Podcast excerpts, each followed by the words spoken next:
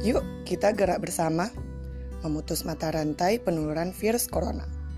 Kami, Sakti Peksas Sumatera Barat, mendukung gerakan tetap di rumah aja, sering cuci tangan pakai sabun, pakai masker jika keluar rumah, jangan pulang kampung dulu. Lindungi diri, melindungi orang lain.